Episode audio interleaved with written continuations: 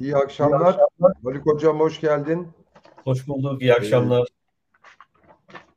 Bizi geçen senede izlemiş olanlar merak ediyorlardır büyük bir ihtimalle. Birisi endüstri mühendisi, birisi iktisat profesörü olan iki Yalnız kişi. ben, benim, benim lisansım işletme mühendisliği. Light mühendislik var yani cebimde. Tamam, light, light bir mühendislik var, işletme mühendisliği. Biz öyle diyorduk. Endüstri mühendisleri olarak siz işletme dersi alıyorsunuz diye. Nörobilim gibi aslında tıp alanının üzerinde çalıştığı bir konuda ne söyleyecekler, ne anlatacaklar diye merak ediyor olabilirler. Ama hemen o merakı gidermek için belirtmekte yarar var. Nörobilimde ortaya çıkan bütün gelişmeler aslında mühendisliği ve diğer bütün bilim alanlarını çok yakından ilgilendiren, günlük yaşamımızı çok yakından ilgilendiren yapay zekayla birebir bağlantılı. Ee, öyle değil mi hocam? Şeyde evet. ortaya çıkan, nörobilimde ortaya çıkanlar öbür tarafta çok ciddi yol gösterici oluyor bildiğim kadarıyla. Anlamak açısından öyle bir de mühendislik tarafı da var. Yani herhalde bu mühendislik alanında en çok göze çarpan e, mesele nöromorfik mühendislik ya da nöromorfik e, computing dedin yani böyle e, bir şeyden esinlenen işte bu nörobilimin temel inceleme alanındaki nöronların işleyişinden ve birlikte oluşturduğu ağın işleyişinden etkilenerek e, bunu e, bilgisayar dünyasına aktaran ve böylece işlemcileri daha yani bu, bu tür bir işlemci oluşturup bunun e, e, etkinliğini, bilgisayarların etkinliğini artıran hatta işte bu otonom robotların falan e, oluşmasının temelinde yer alan bir e, mühendislik uygulaması da var. Bu da çok ilginç bir alan. Ona da bir parça konuşuruz zaten. Şeyin Türker Kılıç'ın bu e, beyin cerrahı ve daha sonra nörobilim alanına giren Türker Kılıç aslında zaten ikisinin birbiriyle çok bağlantılı olduğunun altını çize çize konuşuyor. Bu bağlantısallık meselesiyle de ilintili olarak e, hatta bir tezi var diyor ki zeka fiziki ortamdan bağımsızdır. Bu sadece onun tezi değil tabii o düşüncedeki herkesin tezi ve yapay zeka kavramını da ne de, reddediyor aslında. E, veri alışverişinin olduğu, bilgi alışverişinin olduğu bütün ortamlarda zeka oluşacaktır diyor ve e, beyindeki bilgilerimiz konusunda da bazı kırılımların ortaya çıktığının altını çiziyor. Eskiden her şeyi tekil nodlarda ele alırken neler yapıyor beyin, nasıl yapıyor incelemesini şimdi tamamen nöronların arasındaki bağlantıların toplamından bir sonucun çıktığı fikrinin ortaya çıkmasıyla beraber işin farklılaştığına değiniyor bayağı. E, ben ona bir parça katılıyorum, bir parça katılmıyorum kendi kavrayışım açısından. E, bir kere ben de yapay zeka kavramını çok kullanmayı e, uygun bulmuyorum. Rum uzun zaman önceden beri. E, ama tam tersten yola çıkarak yani zeka belki de zeka kavramı konusunda benim e, kafam karışık olduğu için anlaşamıyor olabiliriz hocayla. E, ben bu bizim yapay zeka olarak adlandırdığımız e, e, olgunun e, bir aşırı çok yüksek bir e, öğrenme kapasitesi ve işleme kapasitesinden e, oluştuğunu, dolayısıyla o zekanın benim açımdan zekanın tanımı içerisinde yer alan yaratıcılık e, meselesini e, gerçekleştirebilecek bir teknolojik düzeye sahip olmadığını çok şükür şu an için o düzeye sahip olmadığını e, düşünüyorum. Dolayısıyla halen e, belli algoritmalar çerçevesinde e, öğrenme yoluyla bu algoritmaların karşılıklı etkileşim belki birden fazla algoritmanın e, karşılıklı etkileşimini sağlayabilecek ve bu anlamıyla sanki kapasitesini genişletebilecekmiş gibi gözüküyor ama e, bu eninde sonunda programlamanın başında var olan algoritmanın e, kendi alt yordamlar ekleyerek tamamen amacına e, amacına aşan e, ve kendini yeniden düzenleyen bu anlamıyla da bir bir tırnak içinde yaşam formu gibi davranabilen bir yetenekte değil henüz. Bunun için aşılması gereken bir eşik var herhalde. O eşik e, eşiğin bir parça uzağındayız. Yani e, bir, bir nasıl söyleyeyim bir öristik düşünme kabiliyeti olmayan bizim e, beynimiz beynimizi ya da işte insanı insan yapan temel özelliklerden bir tanesi yaratıcılığın temelindeki e, unsurlardan bir kısmını içermeyen e, bir düzeyde. Dolayısıyla zeki değil ama olağanüstü işlem kapasitesi e, ve e, bu işlem kapasitesinin yanı sıra e, öğrenerek belli ölçülerde kısıtlar içerisinde sınırlarını genişletebilme yeteneği e, zekayı taklit etme diyeceğim bir şekilde e, karşıda çıkmasına e, neden oluyor. Dolayısıyla bir gün bunun işte bir zekaya dönüşebileceğini, e, dönüşüp dönüşemeyeceğini tartışmak gerekir. Ben henüz o aşamada olmadığını e, düşünüyorum doğrusu. Ama hocam şöyle bir şey var. Şimdi tıp alanında da biliyorsun yapay zeka çok yaygın biçimde kullanılıyor. Yani beynin nasıl çalıştığı çözümlendikçe yapay zeka gelişiyor ama burada simbiyotik bir ilişki var. Yapay zeka geliştikçe de beyinden elde edilen verilerin çok daha hızlı değerlendirilmesi, işlenilmesi mümkün oluyor ve yeni modellere doğru gidilebiliyor yapay zeka alanında. Ee, bazı literatürde şöyle şeylerle karşılaşılabiliyor. Ee, ilk yapay zeka tıp alanında uygulanan yapay zekalar aslında uzman sistemler olarak tasarlanıyor.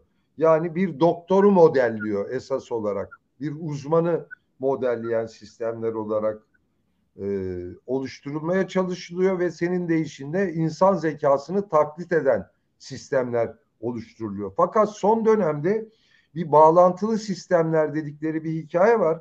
Bu bağlantılı sistemlerde beyin yapısı taklit ediliyor. Evet. Yani senin eksik kaldığın dediğin yerde bu ciddi bir paradigma değişimi gibi geliyor bana. Yani doktor ne yapar yerine aslında bakıyorsun bu hastalık modeli nasıldır? Bu modele nasıl yaklaşırım diye insan e, hani sadece veri işlemesi değil deney, onun üzerinden fikir yürütme, bir yaratıcılık oluşturma gibi noktalara doğru gidişlerin başladığına dair literatür var son 10 yıllık dönemin içerisinde. Ee, işte onların hepsi ama bu öğrenme kapsamı içerisinde. Mesela bunun çok e, klasik örneklerinden bir tanesi bugünlerde çok moda bir konu, tartışma konusu. Chat GPT var ya. Hı-hı. O Chat GPT'nin biz bu arada Açık Radyo'da Kavanoz'daki Yıldız programında iki, iki haftadır tartışıyoruz. Bu cuma e, yine bu konuyu ele alacağız. Önümüzdeki cum, cumada e, eğitim sektörü, eğitim üzerindeki etkilerini bunun e, ele alacağız.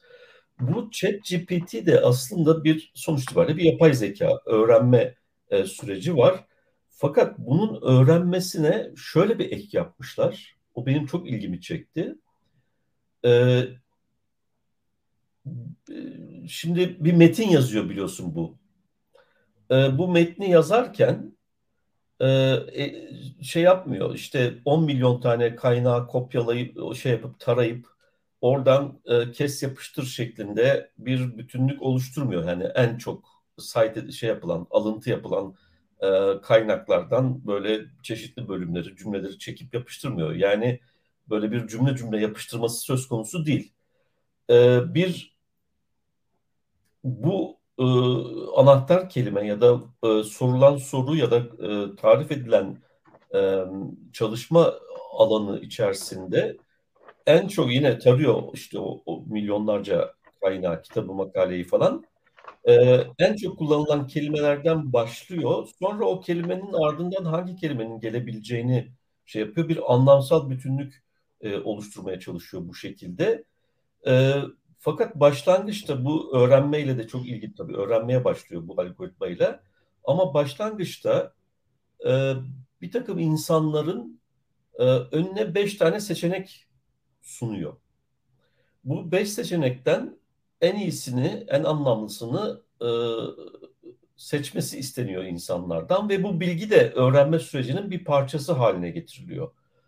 E, sonra bir süre sonra bu insanların değerlendirmeleri yeteri kadar gözleme ulaştıktan sonra yani bu konuda da bir e, nedir öğrenme tanımlandıktan sonra e, onların bu beş seçenek içerisinde en çok hangisini beğenebileceğine dair bir prediction, bir öngörü de geç, gerçekleştiriyor.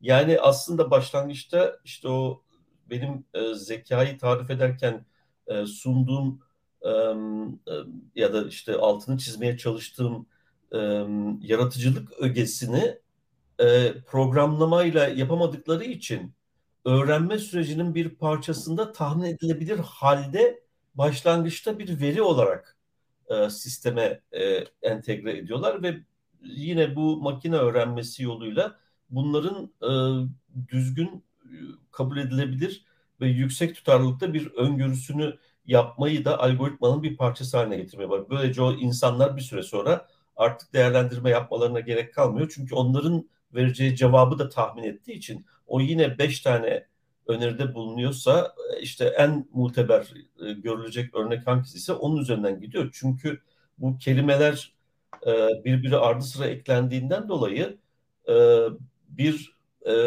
yol bağımlılığı, pet dependency dediğimiz bir yol bağımlılığı söz konusu. Yani ilkinde e, kötü bir şey seçilirse işte ondan sonra o, o dallanma o kötü seçim üzerinden gerçekleşeceği için anlamsız, yanlış veya bazı şeylerde e, çok ters karşılanabilecek e, yani e, hakim e, normlara, toplumsal normlara aykırı düşebilecek e, metinler de çıkabiliyor aksi halde.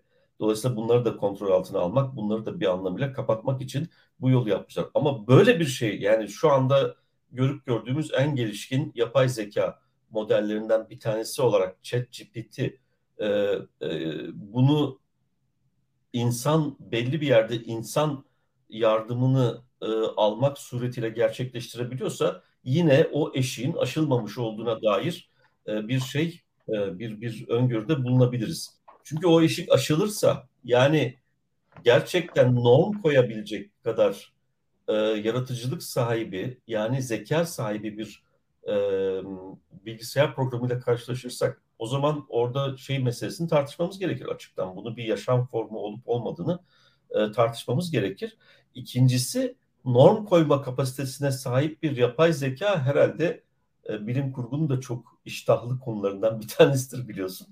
E, herhalde başımıza gelebilecek en büyük problemlerden bir tanesi olur. Çünkü o norm e, eğer kendini ve ekosistemi korumak üzerine e, oluşturulacaksa ki gayet doğal bir şey olarak herhalde ekosistemin en büyük düşmanı olarak bizi bir an önce yok etmekle görevlendirebilir kendisini yani. Ama belki o normu koyabilecek olan bir yapay zeka ya da e, nöral robot mu, nörorobotics dediğimiz bölüm gelişirse bizim ze kendi zekamız da e, ekolojik sistemleri tahrip etmemeyi bize öğretecek kadar gelişmiş olabilir diye ümit edebiliriz ama. Valla ondan emin olma. E, sonuç itibariyle Elon Musk gibi yani bu e, üretim araçları üzerindeki özel mülkiyet ve kar e, motivasyonu devam ettiği sürece oradan e, çok nedir hoş sonuçlar çıkmayabilir. Çünkü sonuç itibariyle bu tür bir piyasa yapısı içerisinde bu tür bu, bu kadar yüksek teknolojik gelişmeler söz konusu olduğunda e, karşı karşıya kalabileceğimiz toplumsal tehditler e, ve ucube e, para sahibi insanlar e, başımıza çok büyük bela oluşturacaktır. Yani işte zaten yakından görüyoruz hem bir yandan Zuckerberg bir yandan Elon Musk gibi e, insanların e, teknolojiyle yüksek bağları ne gibi işleri bize başımıza yola e, yaratıyor görüyoruz zaten. E, o yüzden Biz... belki de e, bu bir salt bir irade meselesi değil e, bir toplumsal dönüşüm iradesi meselesi aslında. E, zaten bu alanda çalışanlar aslında ciddi bir etik sorunu olduğunu ifade ediyorlar birincisi. E, ikinci olarak da bu alandaki gelişmelerin gerçekten toplumsal bir dönüşümü ve toplumsal normların da yenilenmesi gerektiğinin de altını çiziyorlar. Biraz önce söylediğin e, düşünen, fikir üreten, yaratıcı özellikleri olan robotlar ortaya çıkmaya başladığı zaman o robotların hakları ne olacak sorusuna kadar giden bir yer var. Ama sanıyorum oraya kadar gidene kadar e, bu beyin çalışmasını biraz daha çözümlemek gerekecek. Son dönemlerde benim izleyebildiğim kadarıyla yapay zeka alanındaki çalışan ekipler sadece yazılımcılardan, sadece mühendislerden oluşan ekipler değil. Bunların içerisinde mutlaka ve mutlaka tıp alanından gelen, nörobilim alanından gelen insanlar da yer alıyorlar ve e, zihin bilimciler, sinir bilimcilerle beraber çalışıyorlar. Çünkü birebir beynin işleyişini çözümledikçe öbür tarafa transfer etmek gibi bir yaklaşım söz konusu sanki. Evet yani bir, bir kere disiplinler arası bir alan olduğunu e, zaten isminden hemen anlaşılıyor. Yani bir anda işte e, tıbbın çeşitli alt dalları, fizyoloji, anatomi gibi e, şeyler var. Biyoloji, moleküler biyoloji, işte matematiksel modelleme, psikoloji gibi alanların kesiştiği bir şey. Bu nörobilim ya da sinir bilim adıyla adlandırdığımız şey. E, bunun da çok sayıda alt dalları da var. Haliyle onlar da e, bunu, bu, bu disiplinin, bu bilimsel disiplinin nerelere doğru gidebileceği hakkında e, bazı e, fikirler veriyor bize. E, esas itibariyle tabii bu e, hem nöro şey teknolojideki gelişmelerin etkisiyle de çok e, e, ivmelenmiş bir alan olduğunu söyleyebiliriz. E, nedir en önemli gelişme? Tabii o beyin görüntüleme cihazları, özellikle fonksiyonel beyin görüntüleme cihazlarının e, çok e, erişilebilir ve gelişmiş ya da işte daha teknolojik olarak çok gelişmeleri ile birlikte bu çıkıyor. Çünkü e, insan davranışıyla e, bu davranışı e, davranış sırasında beyinde ne tür nerelerinde ne tür e, nöronal aktivitelerin olduğunu gözlemleme şansı e, bulduk, bulu, buldukça e, buldukları için e, bu bağı kurma işte bir e, nöros, nörobilimsel değerlendirme e, yapma imkanına e, kavuşuyor bilim insanları ve bunu giderek modellemeye çalışıyorlar ama senin de altını çizdiğin gibi çok daha bu işin başındayız. Yani o e, nöron halen daha yeni nöronlar e, bulunuyor. Tabii burada e, nöron tiplerinden bahsedebiliyoruz. Yeni bu yeni keşfedilen nöron tiplerinden de bahsedebiliyoruz. Tabii bir kez daha senin en başta söylediğin konunun altını çizmek lazım. E, ben e, kendimizi uzman okuyucu olarak şey yapıyoruz. Uzman okuyucu olduğumuz için de burada yanlış yapabiliriz tabii ki. Yani bir, bu konuda uzmanlığı olan insanlar değiliz sonuç itibariyle. E, belki de önümüzdeki hafta çok hoşumuza giderse bu konu e, bir uzman konuk alarak da e, devam etmemiz mümkün olabilir. Şimdi bu nörobilim alt disiplinleri neler? Belki onlar da bize neyle karşı karşıya olduğumuz ve bunun hayatımız üzerinde ne tür etkilerde bulunabileceğine dair bir fikir verebilir. Bu modern neuroscience'ın, nöro, nörobilimin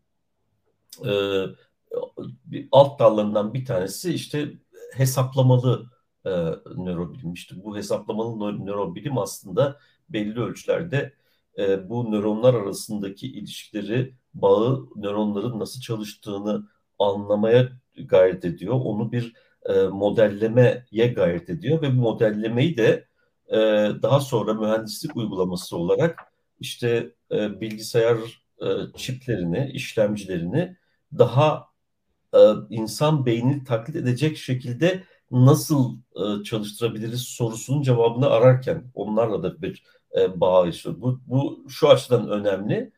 E, beyinde nöronların çok kompleks bir yapısı var. Değil mi? Yani bir ağ olarak şey yapıyorlar, çalışıyorlar. E, ve bu ağ olarak çalıştıkları için de işte o bilim yeni, epeydir üzerinde durulan e, karmaşık bilim diye adlandırabileceğimiz complexity diye adlandırılan alanın da konusu alına göre. Bu bu zaten o, o da bu bilim dalı da çok e, şey yapan e, disiplinleri birbirine bağlayan metodolojik bir açıdan birbirine bağlayan bir e, bilim dalı. İşte e, çok parlak e, fizikçileri, biyologları, kimyacıları e, e, barındıran bir şey. İşte birkaç isim vermek gerekirse E, İlya Prigogin var kimyadan, Kaufman var biyolojiden. Bunlar hep complexity e, yaklaşımını benimsemiş şeyler ve bu e, nöron ağlarının e, davranışlarını incelemek için de bunların e, metodoloji, bu alanın metodolojilerinden çok e, faydalanmak mümkün.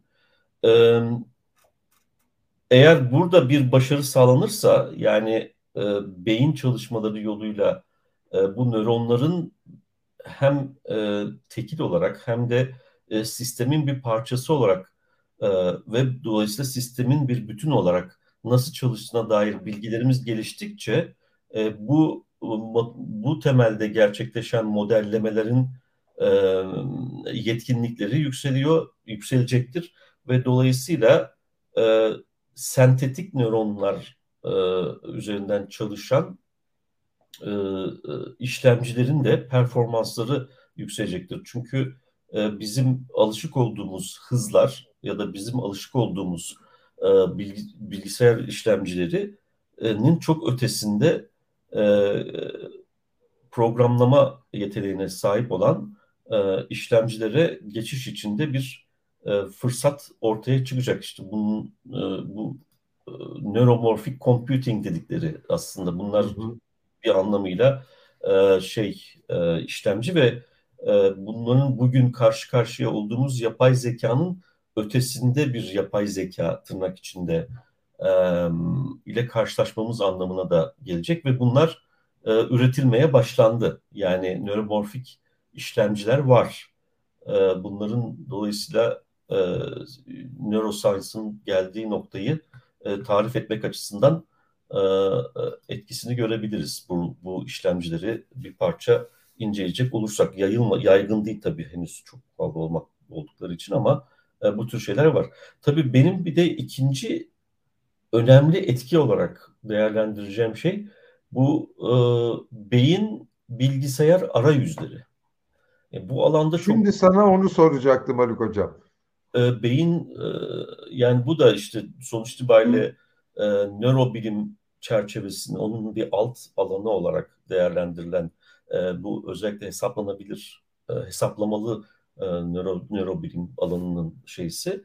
E, burada çok acayip işler yapılıyor. Yani e, beyindeki spesifik fonksiyonların e, ra dair e, bilgimiz derinleştikçe e, bu alanda pek çok uygulama yapılıyor. Ben yine birkaç konuk aldığımız ve yakın çalışma arkadaşımız olan bu açık radyoda bu konularda çalışan e, e, Almanya'da doktorasını Max Planck'te yapmış bir arkadaşımız var. Onun mesela doktora çalışması e, kolunu hiç hareket ettirmemiş, ettirememiş bir insanın e, e, beyin makine, beyin bilgisayar arayüzü yoluyla kolunu hareket ettirmesini sağlamış. Mesela onu gerçekleştiren bir e, araç geliştirmiş doktora çalışması olarak.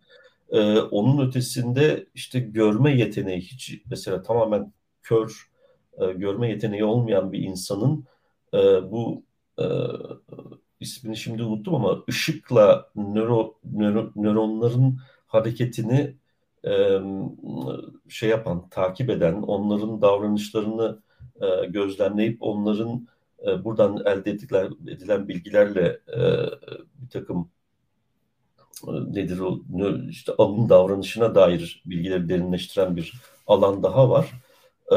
Birazdan gelir aklıma onun ismi de.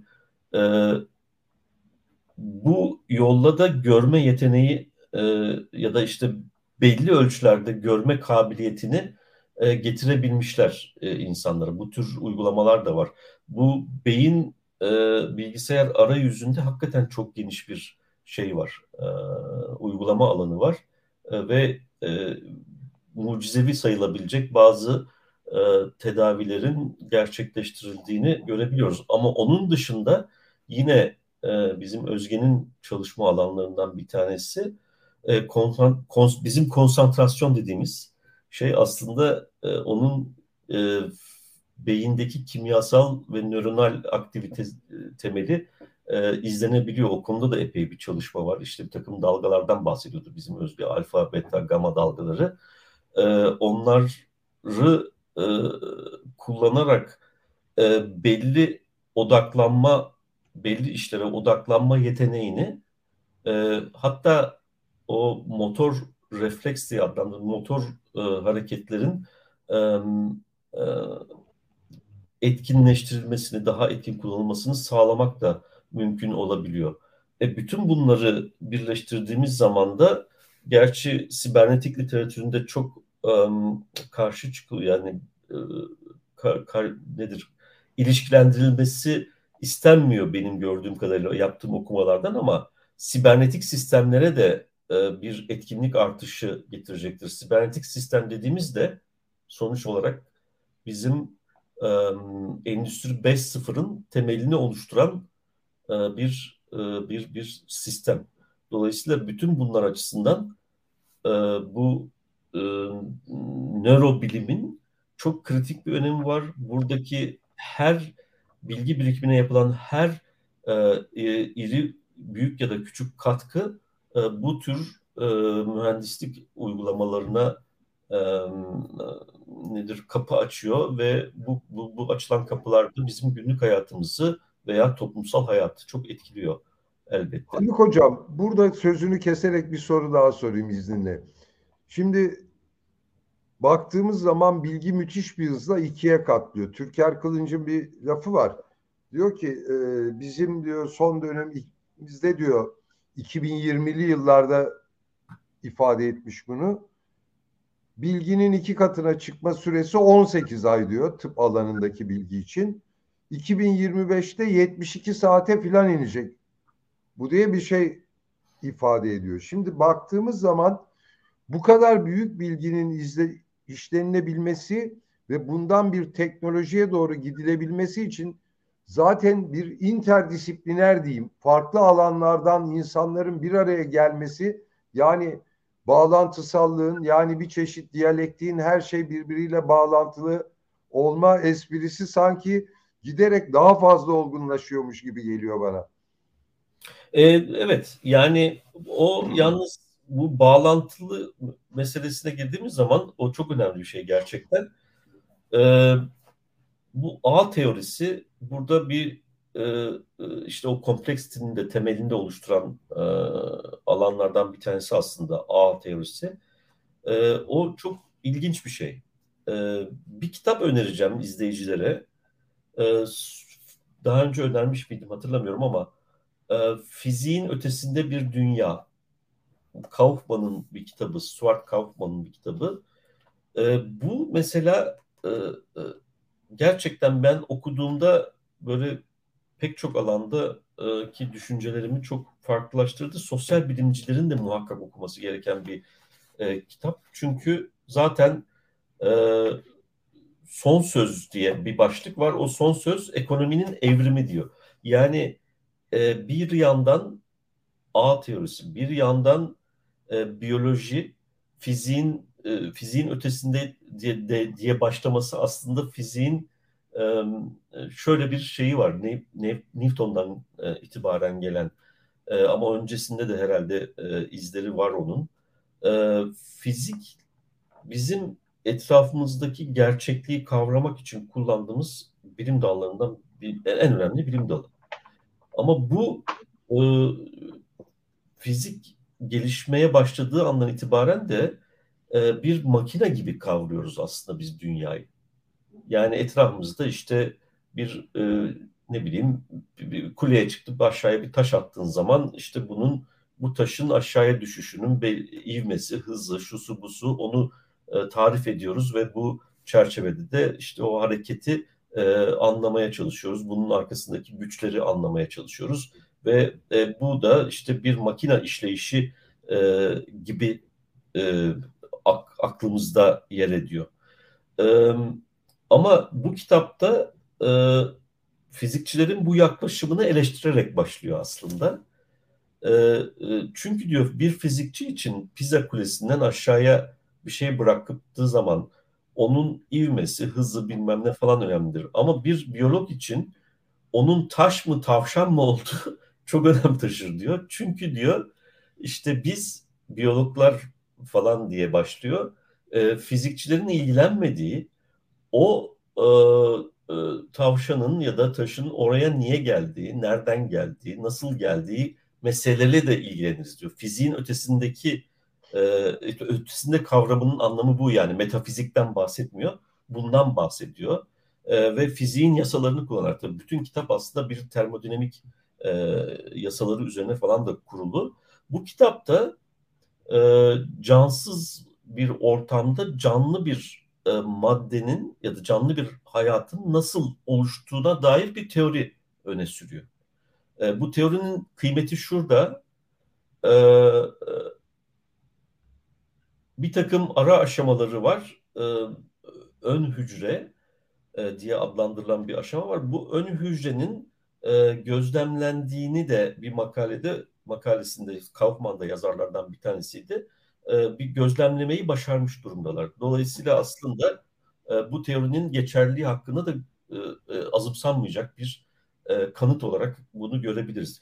Burada işte o kompleksiti yani o ekonomistlerin de bunun ya da sosyal bilimcilerin de bu kitaba ilgi göstermesi gerektiğine dair e, görüş e, e, e bir doğal sistemin nasıl davrandığını yani hayatın bir doğal sistem olarak nasıl geliştiğini, nasıl evrimleştiğini tarif ediyor. Aslında çok da basit bir ana fikri var. E, hayat bir örgütlenmedir diyor. Yani e, başka türlü e, bu örgütlenme derken işte o evrimi, e, evrimin rastgeleliğini, e, seçilimini falan altını çiziyor. E, ama öte yandan da bir karşılıklı bağımlılık ilişkisi de söz konusu. İşte ne bileyim mesela bir kalp niye var sorusunu sorduğumuz zaman e, işte kalbin vücut içerisinde ya da bizim gibi e, varlıkların, türlerin e, işte vücut sistemi içerisinde kanın pompalanması, bu yolla oksijenin bütün hücrelere iletilmesi ve işte orada her bir hücrenin e, yaşayabilmesi için gerekli kaynaklardan bir tanesine ulaşmasını sağlayan bir şey. Bu anlamıyla bir karşılıklı bağımlılık var e, aslında. E, çünkü kalp olmazsa vücut olmayacak. Yani kalbin bir vücuda ihtiyacı var, vücudun da bir kalbe ihtiyacı var. Ve bu da e, eğer yeteri kadar geri gidecek olursak işte tek hücrelilerden çok hücrelere geçiş, çok hücrelilerden o e, hücrelerin e, çeşitli fonksiyonları yerine getirmek üzere bir araya gelişleri, o bir araya geliş içerisinde e, evrim süreci içerisinde hücrelerin fonksiyonlarını o fonksiyonu yerine getirebilecek şekilde e, değişmeleri yani evrimleşmeleri, başkalarının da başka şekilde evrimleşmesi ama bütün bunların da bir vücut bütünlüğü içerisinde gerçekleşmesi hatta bunun da ötesinde bir biyosferi de bütünlük içerisinde ya da biyosfer seviyesinde bir ağ, ağ, ağ bakışı alacak olursak da o biyosferin işte insanların o biyosferle olan ilişkisini dikkate alarak e, kurmak doğal bir e, gereklilik. Yani o biyosfer olmasaydı insan oluşamayacaktı. İnsan oluştuğu için de o biyosfer insan olmasaydı o biyosfer eksik kalacaktı falan gibi bir karşılıklı bağ içerisinde görmek gerekiyor. Tam burada belki bitir cümleni hocam. E, dolayısıyla e, bu e, e, ağ yaklaşımı, karşılıklı bağımlılık, evrimleşme, e, e, yani bu evrim konusunda mesela e, gerçekten bir nasıl söyleyeyim yapay zekayı herhalde en çok değerlendirmekte zorlanacağımız alanlardan bir tanesi de bu evrim süreci içerisinde. Sonuçta sentetik de olsa sentetik bir yapıdan bahsediyoruz. Bunun bir zekaya kavuşması demek belli ölçülerde etrafındaki biyosferle uyum göstermesi ve o onun bir parçası haline gelmesi. Onun bir parçası haline gelmesi demek zaten o olmazsa biyosferin eksik kalacağı, biyosfer olmazsa da onun olamayacağı bir e, noktaya taşınması demek. Yani karşılıklı bir etkileşim, bir dönüşme, birlikte gelişme, birlikte örgütlenme e, durumu söz konusu. E, dolayısıyla o açıdan da ben e, yani işte bir yaşam formundan bahsediyorum. E, bu yaşam formu olmadığı sürece de e, bir zekanın e, oluştuğundan söz etmemizin e, mümkün olamayacağını söylüyorum. Hep bir taklit olarak kalmaya çok yetenekli, müthiş kabiliyetli, e, o kabiliyetiyle de e, mükemmel derecede taklit yeteneği olan bir e, başka tür sistemden bahsediyoruz demek. Bu çok ama derin bir tartışma aslında. Yani bu konuda e, senin fikrinde olanlar da var. Gerçekten e, zekanın aslında herhangi bir şekilde e, veri alışverişinin olduğu yerde mutlaka doğacağına ilişkin tezleri olan insanlar da var. Bu güzel bir tartışma konusu olabilir. Aslında konunun uzmanı iki kişiyi yakalayıp onları burada tartıştırabilirsek çok keyifli evet. bir tartışmayı da yapmış olabiliriz diye düşünüyorum açıkçası. Bu biraz önce söylediğin e, bu robot bağlantısallık mevzusuyla ilgili olarak topluma da çok ciddi etkileri olacak bir hale geliyor bu. Ee, gene nörobilimcilerin bazılarının tezlerinden birisi bütün bu insanın gelişmesinin aslında tek başına olmadığı. Hani biz hep şey yaparız ya çocuğumuzu iyi yetiştireceğiz, çok iyi yetişecek, çok parlak olacak, IQ'su artacak. Yeni bu nöro bilim çalışmaları derinleştikçe ortaya şu çıkıyor ki o çocuk yanındakini geliştiremediği takdirde, onunla birlikte gelişemediği takdirde kendi gelişimi de azami sınırlarına asla ulaşamıyor. Yani bir bağlantısallık olayı beynin çalışması anlaşıldıkça toplumda da böyle bir yaklaşımın öne çıkmaya başladığını görüyorum ben ve tamamen bu aslında beyin üzerine yapılan çalışmalardan ortaya çıkıyor. Katılır tamamen mısın buna? Olmasa bile, tamamen olmasa bile e, onun büyük etkisi olduğunu söyleyebiliriz. E, şimdi bu az önceki tartışmada kritik e, önemli bir çok kısa yani bir sayfalık bir makale var aslında. E, Science dergisinde mi yayınlanmış? Science, Science dergisinde yayınlanmış. Pardon, Nature dergisinde yayınlanmış. 2002'de yayınlanıyor. Şimdi bu o senin altını çizdiğin tartışmanın e, önemli aşamalarından bir tanesi. E, bir hesaplama birimi olarak hücre diyor. Yani computation anlamında söylüyorum. Onu cells as computation makalenin başlığı. Hı hı. Bir hesaplama birimi olarak hücreler diyor. Şimdi bu e, hücreyi işte sonuç itibariyle veri giriş bir input olan yani belli bir yerden bir veriyi alıp onu işleyen ve sonra da bir çıktı olarak başka bir tarafa veren bir soyutlamayla ele alıyor bu makalede. İlk kez e, bu makale şey yapmış. Regev, Shapiro iki tane yazarın e, şey yaptı. Şimdi buna tabii çok eleştiri var. Bu tıpkı fiziğin dünyadaki işleyişi bir makina metaforuyla ele alması gibi. Yani büyük bir düzenlilik var. İşte o onu e, kuvvet uygulayınca şu sonuç oluyor. Şuradan gelen bilmem ne falan filan. Yani etrafımızda olan biteni tarif ediyor, anlamaya çalışıyor ve bunu bir makina düzeni içerisinde anlıyor. Bu bir tür lineer bağda oluşturuyor tabii kendi arasında. Ee, burada da işte e, bu makaleden sonra e, hücrenin programlanması ve sentetik hücrenin yaratılması. Yani çift taraflı bir etki oluyor burada. Ee, ama buna karşılık buna çok eleştiriler de var tabii ki bu makaleye. Yani e, e, dünyanın bir makine olarak kavranması nasıl yanlışsa ve evrim meselesini ihmal eden bir şeyse çünkü sonuçta bu e, bu makine ise işte biz makine e, işte bu kitapta da bir örnek veriyor. E, bir araba güzel bir makinedir ama bir başka araba üretemez değil mi? Sonuçta ya da e, o araba kendiliğinden e, işte farını ortadan kaldırıp bilmem ne yapamaz, değiştiremez, farını geliştiremez, başka bir noktasını e, e, daha iyileştiremez ya da daha kötüleştiremez. Ama e, biyolojik varlıklar bu evrim süreci içerisinde yani o hayatın bir örgütlenme olduğunu şey yaparak bahsederek e, e, kendi işleyişlerini farklılaştırabilecek bir düzenek oluşturmuş. Bunun da kısıt kapanması diye adlandırılan çok teknik bir kavram var ama çok anlaşılır bir kavram aslında. E, kısıt kapanması yoluyla yapabiliyor. Yani bu kısıt kapanmasından kasıt şu. E, bu makine çalışıyor, input alıyor, bir e, işlem yapıyor, enerji harcıyor falan bir yerden enerji de alıyor. Sonuçta bir çıktı elde ediyor ama bu çıktı yeni bir kısıt yaratabilecek kapasitede e, işler gerçekleştirebiliyor. Yeni kısıt yaratabilecek kapasite iş gerçekleştirdiği andan itibaren evrimden bahsedebiliyoruz işte.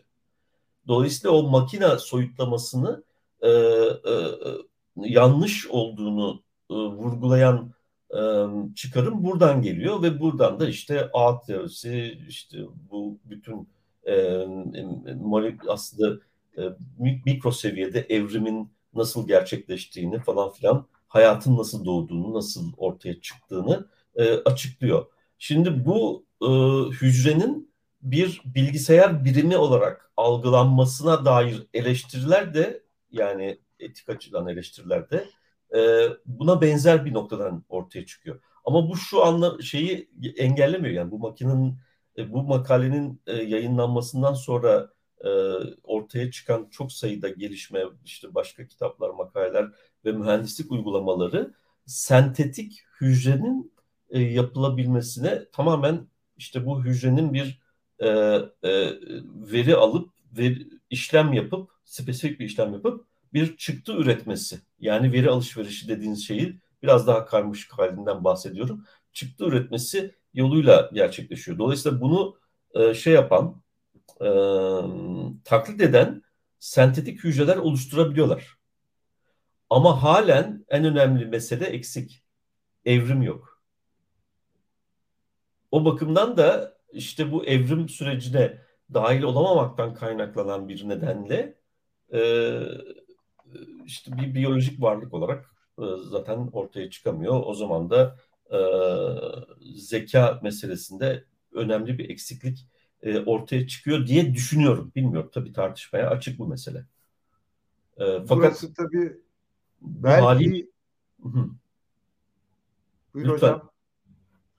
Ya bu yapılan deneyler var ya insan beyin projesi, insan konekton projesi falan bunlar ilerledikçe belki bu alanda da nelerle karşılaşacağımızı şimdiden öngöremiyoruz. E, sentetik evrim diye bir kavram var. Yani bu e, Endüstri 5.0'ın e, önemli unsurlarından bir tanesi ama e, e, halen gerçek bir e, evrim değil. Yani sentetik biyoloji işte virtual evolution dedi pardon sentetik değil de e, yapay e, evrim diyebileceğimiz e, bir şey. E, bir, bir, bir konudan bahsedebiliyoruz. E, bunlar e, ama halen e, başı sonu belli etkileşimlerinin e, mümkün etkileşimlerin az çok planlandığı ve ya da bilindiği ve buna göre program, programların yazıldığı ve e, bu bu karşılıklı etkileşimlerin e, bütün boyutlarıyla doğru bir şekilde tanımlandığı zaman düzgün çalışan e, fakat bunun dışında bir e, yani hesaplanmamış bir küçük olayla karşılaşıldığında ise sistemik olarak krize giren bir şeyden bahsediyoruz hala. Yani bu e, ya, yapay evrimin ya da sanal evrimin e, en önemli problemlerinden bir tanesi bu. Biyolojik temelli mesela diyelim hücreleri programlama imkanı da var değil mi? Sonuç itibariyle e, aslında bu bizim e, pandemi sırasında RNA temelli, mRNA temelli aşı e, ilkesel olarak herhalde bu, bu tür bir şey. Yani sonuçta RNA haberci hücreler. Bazı işte hücre şey virüs e, bilgisini içeriyor. Bu virüs bilgisiyle gidiyor vücudun e, savunma e, şeylerini e, harekete geçirecek şekilde onları alarme ediyor veya işte onların tekrar e, bu e, savaşa başlamalarına e, sebep veriyor veya işte bireysel tıp uygulamalarının e, temeline de bu tür şeyler yatıyor aslında. E, e, dolayısıyla biz şu anda teknolojik olarak, tıp teknolojisi olarak e, biyolojik e, hücreleri, biyolojik hücreleri etkileme, programlama, onları belli fonksiyonları belli şekillerde yerine getirme e, ye nedir? Yerine getirmelerini sağlama yeteneğine sahibiz. Bu da kanserle mücadelede çok hukuk açıcı bir e, bir bir alan olarak gözüküyor.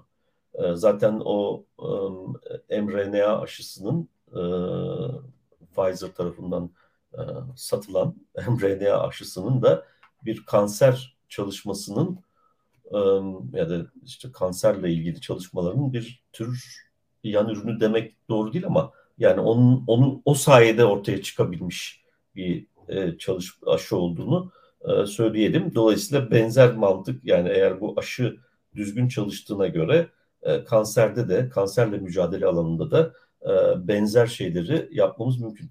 Zaten bu kanserin e, genel geçer bir nedeni olmadığını da düşünmeye başlatan bir kitap oldu benim için bu aslında. Çünkü sonuçta o da bir evrimin e, kötü sonuçlar doğuran bir e, yöne gitmesinden ibaret e, sanki. Öyle geldi bana. Ama tabii bu, bu da dediğim gibi uzman bir okuyucu olarak çıkarttığım bir yorum sadece. E, fakat bütün bunları bir araya getirdiğimizde aslında e, gerek nörobilim, gerek işte bu e, bu tür bu bahsettiğim makalede yani hücrelerin programlanabilmesi ya da e, hücrelerin imi, taklidi olarak sentetik hücrelerin ortaya çıkmış çıkartılabilmesi e, ve bunların bir arada davranabileceğini e, gösteren e, mühendislik çalışmalarının gerçekleştirilmiş olması e, çok bambaşka bir dünyaya doğru gittiğimizi e, gösteriyor. E, çünkü bu salt, salt bir sibernetik sistem olarak e, ya da sibernetik sistemlerin gelebileceği yerler olarak e, düşünmeyin bunu. E, burada birkaç tane e, önemli çıkarım var. Bir, bir kere insan evriminin e, kontrol edilebileceği, etkilenebileceği bir alana girdik. Bunun yapılıp yapılmaması e, önemli bir tartışma konusu ve bu konuda bir uzlaşma, bir anlaşma ufukta yok. Dolayısıyla bir regülasyon da e, gerçekleştirilebilmiş değil ama son derece önemli sonuçları olabilecek bir alan. İki, e, üretici sistemlerin yani e, e, otonom otomasyonlar diyelim. Sadece robot kastetmiyorum. Yani çünkü robot deyince böyle humanoid biçiminde insana benzer bir e, formda e, çalışan bir yapay zekadan bahsediyoruz. Yani öyle algılama şeyimiz var, eğilimimiz var. Herhalde bunda bilim kurgu filmlerinin de etkisi vardır ama otomasyon sistemi dediğimiz zaman bir üretim bandından tutup işte otonom davranan robotlara kadar e, geniş bir alandan bahsediyoruz demektir. E, bunların e, yeteneklerinin de büyük sıçramaların olacağı bir döneme e, girmişiz demektir. Ve bu sıçramalarla beraber e, e artık canlı emeğin üretim sürecinin dışına çıkmasını çok kolaylaştıracak e, ve bu yolla da ne bileyim zorunlu çalışma saatlerini e, minimal ölçüye düşürecek. Buna e, geleceğiz ee, ileriki günlerde. Yani bu en keyifli bölümü olacak bu tartışmanın. Evet. Bolluk toplumu, canlı yani. emeğe ihtiyaç var yok bunları ele alacağız. Ee, ama burada sanıyorum bir başka ya biraz önce bir interdisiplinerlik meselesine değinmeye çalışmıştım ya. Baktığım zaman şimdi bu insan beyin projesi, insan konekton projesi falan dediğimiz her şey aslında beyni inceliyor gibi gözüküp biraz önce senin ifade ettiğin farklı alanlara da hitap eden çok ciddi bilgiler oluşturuyor. Çünkü tek bir nöronun çalışmasını değil, nöronlar arasındaki bağlantısallığı ve onların çalışmasını çözdükçe hücre bilimine dahi belli bir katkı yapabiliyor. Yani biz o katkı deyince hemen yapay zeka diyoruz. Hayır. Yani bir robot kolu oluştururken oradaki bağlantısallık ve onun hangi sinirler üzerinden nereye etki ettiği bambaşka bir biçimde değerlendirilir hale geliyor. Burada bu değindiğin kompleksite ve Bayezyen matematik diyebileceğimiz matematik çok öne çıkan unsurlardan birisi gibi geliyor bana. Yani farklı bir kavrayışla beraber ele alınan bir çeşit aslında bir paradigma değişimiyle ele alan bir yaklaşım gibi geliyor bu alanda. Ee, biraz şöyle bir benzetme yapacağım. Bu da hani bir okuyucu olarak yaptığım bir benzetme. Ee, notlarda işin çözüldüğünü düşünüyorduk beyinde. Aradaki bağlantısallıkları ve onların değişkenliklerini bilemiyorduk çünkü çözemiyorduk. Matematik biraz biraz gelişince onları çözmeye başladığımız zaman bütün bir e, bilimin hani bilimsel gelişmelerin aslında uygulanabilir hale gelmesini sağlayan matematiğin de paradigması sanki değişiyor gibi.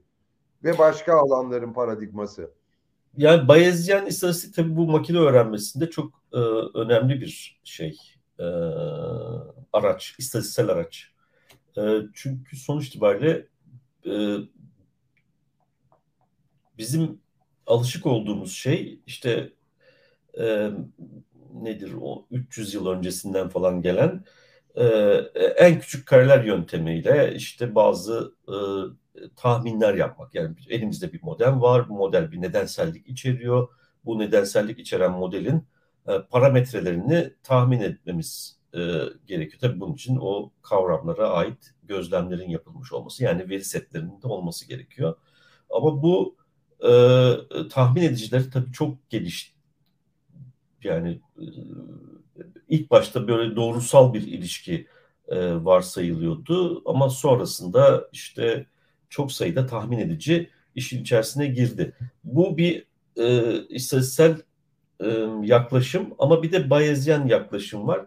Bayezyen yaklaşım doğrudan dağılımlar üzerine gidiyor. Yani bir e, e, gözlem yapıyoruz, bir dağılım var. Bu dağılımı öncül e, dağılım olarak e, onun onun parametrelerini daha doğrusu öncül e, parametre olarak sonra e, e, eldeki verileri de kullanarak işte bunun e, tahmin sürecinde bu parametreleri kullanıp geliştiren ama bir tür o makine öğrenmesinin e, temelindeki işleyişi e, sağlayan bir yaklaşım olarak da e, modern istatistik özellikle çok öne çıkan e, bir şey. Dolayısıyla ve bu dağılımlar üzerinden gittiği için de e, büyük sayılarda gözlem olduğunda aslında çok e, etkinlikte bir azalma olmuyor. Öbür tarafta e, klasik anlamdaki o parametre tahminlerini gerçekleştiren tahmin edicilerde e, büyük sayıda gözlem olduğunda onların etkinliğinde bir e, azalma ortaya çıkıyordu. Dolayısıyla da bu büyük veri ile birlikte bu tür yaklaşımlar ön plana çıkmaya başladı. Haliyle yapay zeka gibi çok geniş bir öğrenme e, süreci, büyük çok büyük verileri kullanan e, sistemlerde de e, bu tür e, bir yaklaşım temel olarak kabul edildi. E, daha doğrusu bu tür yaklaşım e, kullanılıyor. O yüzden de e, son zamanlarda ön plana çıkmaya başladı. E, tabii bilgisayarların gelişmesinin falan da bunda, işlem kapasitesinin yükselmesinin de bunda e, payının yüksek olduğunu e, söylemeliyim. Ama e, e, esas olan, bunlar araçlar, elimizdeki araçlar. Esas olan e, modelleme. Yani yine düşünme, matematik. O düşünmenin e, ifade etmek için kullandığımız, düş, yani düşünsel planda e, ki çıkarımlarımızı ifade etmek için kullandığımız bir şey. İstatistik de zaten e, bu e, sürecin işte e, parametre tahminlerini gerçekleştirdiğimiz e, bir e, bir bir araçlar bütünü. Dolayısıyla esas halen en başta olduğu gibi düşünme meselesi. E, onun altını çizmek istedim. E, bu e, iktisatta özellikle çok e, şikayetçi olduğumuz bir e, şeydir. Çünkü e, iktisadın yoğun matematik kullanmasıyla beraber yoğun matematik kullanarak bilimsel olduğunu düşünen bir ana akım var. E, ama bu doğru değil. E, çünkü bu yoğun matematik bazen çok naif ve gerçeklikle ilişkisi çok zayıf modelleri e, ancak işleyebiliyor ve ancak onlarla e, çalışabilir duruma geliyoruz. Bu da büyük bir e, sıkıntı. E, belki hatırlarsın post otistik iktisat diye bir akım çıktı. Bu akım aslında e, Fransa'dan kaynaklandı. Ecole Normal Superior diye bir şey vardır orada mühendislik ağırlıklı bir şey ama sosyal bilimlerinde olduğu bir alandır. Fransa'nın en parlak öğrencilerinin e, girebildiği bir e, okuldur. E, e, burada iktisat okuyan öğrenciler yeter bu kadar e, matematik e, biz bu bizi gerçeklikten kopartıyor. E, e, post otistik bir şeye geldik. E, e, alandayız yani burada çok güzel bazı modeller var. Bu modelleri işte oluşturuyoruz, e, işliyoruz, bunun, bunlar aracılığıyla düşünüyoruz falan ama bu matematiksel modellerin gerçeklikle bağı yok. E, dolayısıyla bu temelli bir problem ve bu çok büyük bir şey yarattı. E, kargaşa yarattı. Önce ana akım iktisat pek ilgilenmedi fakat sonra Blanchard yanılmıyorsam bir cevap yazdı. Sonra öbür tarafta işte bu çocuklarla beraber gelen bir takım önemli isimler Blanchard'a cevap verdiler falan. Öyle bir dergi çıkmaya başladı. Yani epeyce e, tartışmalı bir konu yine. Bu araçlar olmasa e, özellikle mühendislik uygulamalarını gerçekleştiremeyiz. Çünkü sonuç itibariyle senin yakından bildiğin gibi mühendislik e, bir teorik bilginin pratik alanda ifade edilmesi, bunu sağlayacak işlemlerin yapılması. Dolayısıyla işte bir çıktının, somut bir çıktının e, elde edilmesini e, gerektirirdi. O yüzden de e, bu tür istatistikte şuydu buydu falan gibi alanlara, alanlardaki gelişmelere çok ihtiyaç vardır orada. Ama e, bir teorik alanda konuşuyorsak burada esas olan e, düş, esas olan düşünmek yani esas olan yine ve her zaman olduğu gibi e, teorik bakış. O bakımdan... Burada belki şunu söylemekte fayda var. Şimdi benim mesleğimde çok kullanılan bir kavramdır. Sub optimizasyon. Senin de iyi bileceğin bir kavram bu. Ee, bize birinci sınıftan itibaren ya herhangi bir birimi optimize ederseniz bütünün optimize olacağının garantisi yoktur. Dolayısıyla evet. bütünselliği içerisinde bakmanız lazım diye hemen hemen her derste bu anlatılırdı. Fakat sonra tuhaf bir şekilde bütün bu benim 40 senelik mühendislik hayatımda diyeyim öylesine bir sub optimizasyon oluştu ki ya ortada bütün ekonomi berbat ama her işletme müthiş optimum giden bir hal ortaya çıkmaya başlamıştı.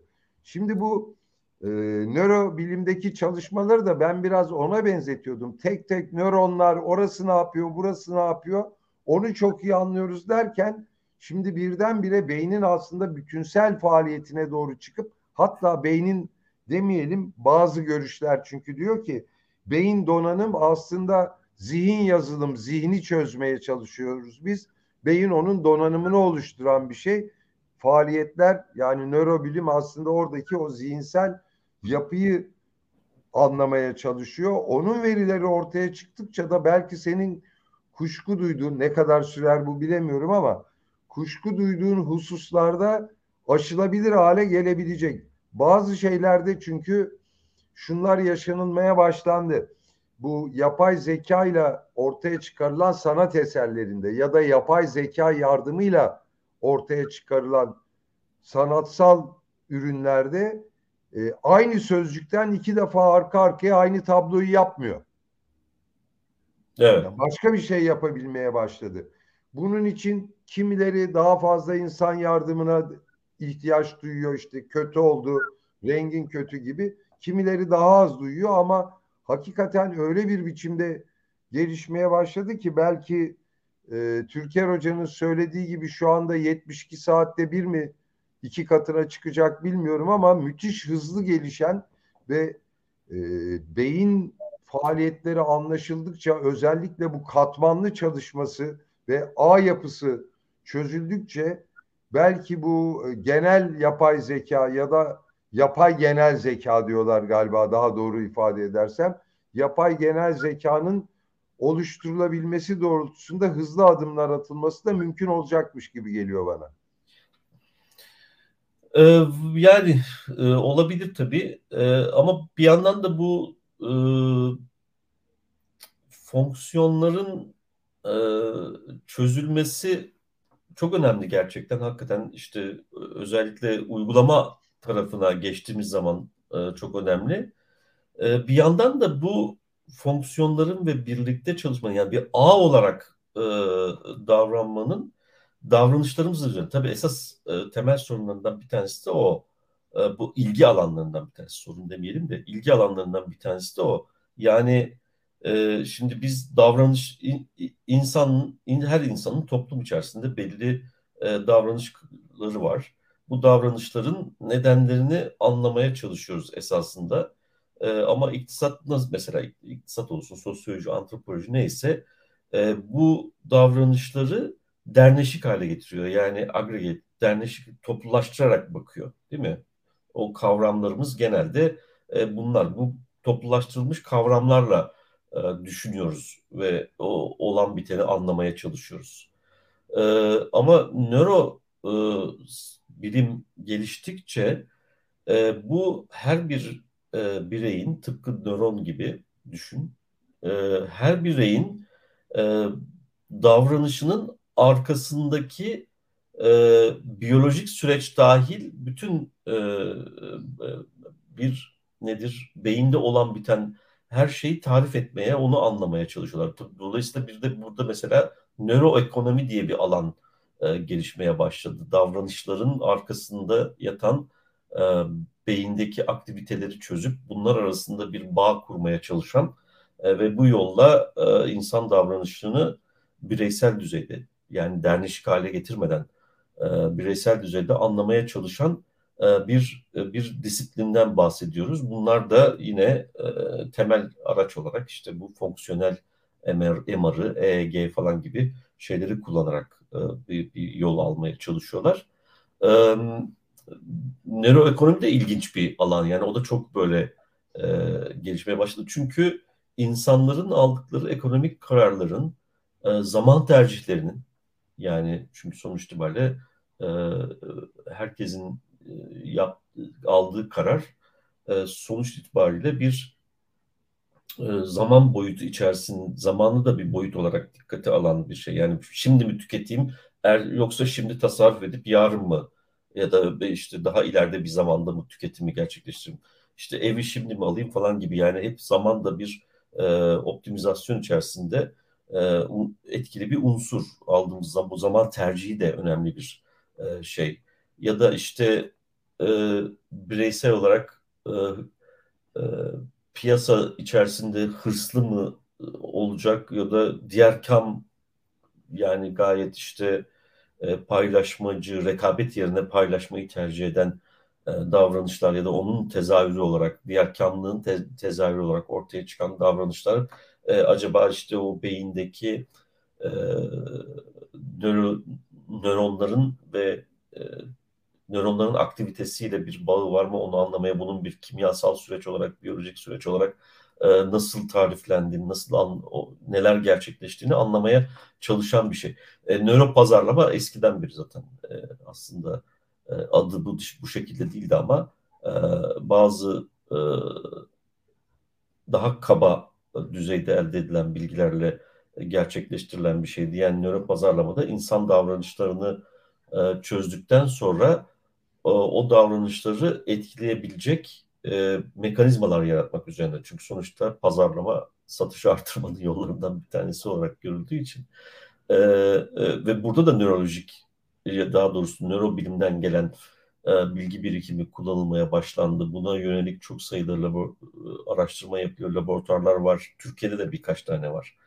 E, yani bir reklamın e, e, hedef kitleye en doğrudan e, ulaşabilmesini sağlamak için e, işte renginden tut şekline, biçimine, şemaline kadar her şeyi o e, nöron aktivitesi temelinde e, çözümleyip aradaki bağı ortaya çıkartıp ona göre e, biçim özelliklerini ve içerik tespitini ya da içeriğin nasıl sunulacağına e, karar vermeyi e, sağlamayan şeyler. E, bunun politikaya uygulanması da söz konusu olabilir tabii ki. E, dolayısıyla böyle çok ilginç noktalara da gidiyor. Ama sonuç itibariyle e, nöroekonomi dediğimiz şey aslında neuroscience'ın beyin kapsamında elde ettiği bilgilerin e, toplumsal işleyişe e, uyarlanmasını e, e, içeren bir e, bir bir bir bilim alanı diyelim. E, ben düştüm bir ara e, yani oturduğum koltuktan düşmedim internetten düştüm. E, son söylediklerini kaçırdım açıkçası nöro pazarlamadan bahsettim. Yani o bu nöro bilimdeki e, nöro bilimin asıl çalışma alanı sonuçta nöronlar ve bir ağ olarak bunların karşılıklı etkileşimi falan. Ama buradan elde edilen bilgi birikimiyle e, e, insan ve bu, bu, bu insan davranışlarıyla e, e, nöros, nörobilimin ilgi alanındaki değişmeleri ya da o alanda olan biteni bu davranışlarla olan bağını kurduktan sonra bunu işte e, satışı artırmak için nasıl kullanılır diye bir şey e, çözülüyor ve bu Haluk Hocam şimdi beni bir mühendis olarak ama bir yandan da toplumsal gelişmelere duyarlı, politika ile ilgilenen bir insan olarak heyecanlandıran bir şey oluyor bütün bu süreçte. Tıp alanını çok bildiğimi söyleyemeyeceğim. Ama başka alanlara da baktığım zaman tekil unsurların analizinden parçadan bütüne gitmeye çalışıyorduk. Daha doğru bir ifadeyle. Şimdi öyle bir hale geldi ki iş canlı yaşamın en komplike organı olan insan beyninin bir bütünsellik içerisinde incelenmesine geçtik. Yani nasıl görüyoruzdan kurtulduk sanki bir bütün olarak beynin nasıl çalıştığını, zihnin nasıl çalıştığını anlamaya gayret ediyoruz. Bu aslında böyle bir hani Marx'ın meşhur lafı vardır ya insan çözemeyeceği sorunu önüne koyamaz diye. Genel bilgi düzeyi, toplumsal bilgi düzeyi artık tek tek, tek konuları değil, bütün olarak sistemi ele almaya başlıyor. Sanki bu sistemsel yaklaşım ön plana çıkmaya başlıyor, öne geçmeye başlıyor hem tıp alanında hem ekonomi alanında hem mühendislik alanında ve bu ciddi bir dönüşüme neden olacakmış gibi bir sezim var. Katılır mısın buna? Evet. Yani çok e, temel temelde yatan şey bu aslında. Ee, e, ama işte bu dönüşümün e, hayırlı olup olmayacağına karar verecek olan ya da hayırlı dedir insan toplumu için ve diğer tüm canlılar için hayırlı bir sonuç üretip üretmeyeceğine karar verecek olan da aslında toplumsal mücadele.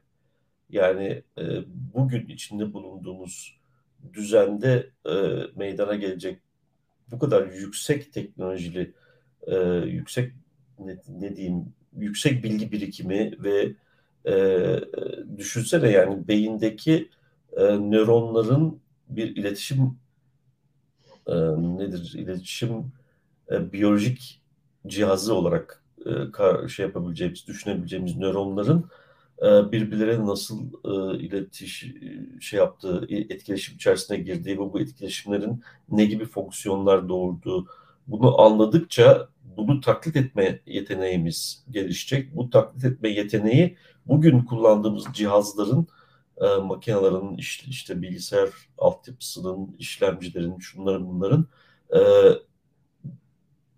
akıl etmekte zorlanacağımız ölçüde hızlı gelişmelerini ve işlem kapasitesinin şunun bunun e, gerçekten çok yükselmesine e, neden olacak. Bu e, sonuç itibariyle eğer paylaşımcı bir toplumsal çerçeve içerisinde, toplumsal yapı içerisinde, e, komünel bir toplum yapısı içerisinde gerçekleşirse e, ortaya çıkacak serbest zamanı e, tahayyül edebiliyor musun? Yani o serbest zamanın e, bu gelişmeleri de e, hızlandıracak şekilde bütün bilim, sanat bilmem ne, bütün bu alanlarda yaratıcılığın e, görülme, görülmedik biçimde artmasına neden olacak bir e, bir bir yola girer. Dolayısıyla bu gelişmeleri de hızlandırarak devam ettirir. Bambaşka bir uygarlık seviyesine e, çıkmamıza neden olur.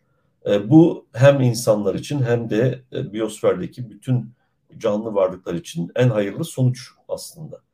Ama bir de tersi var.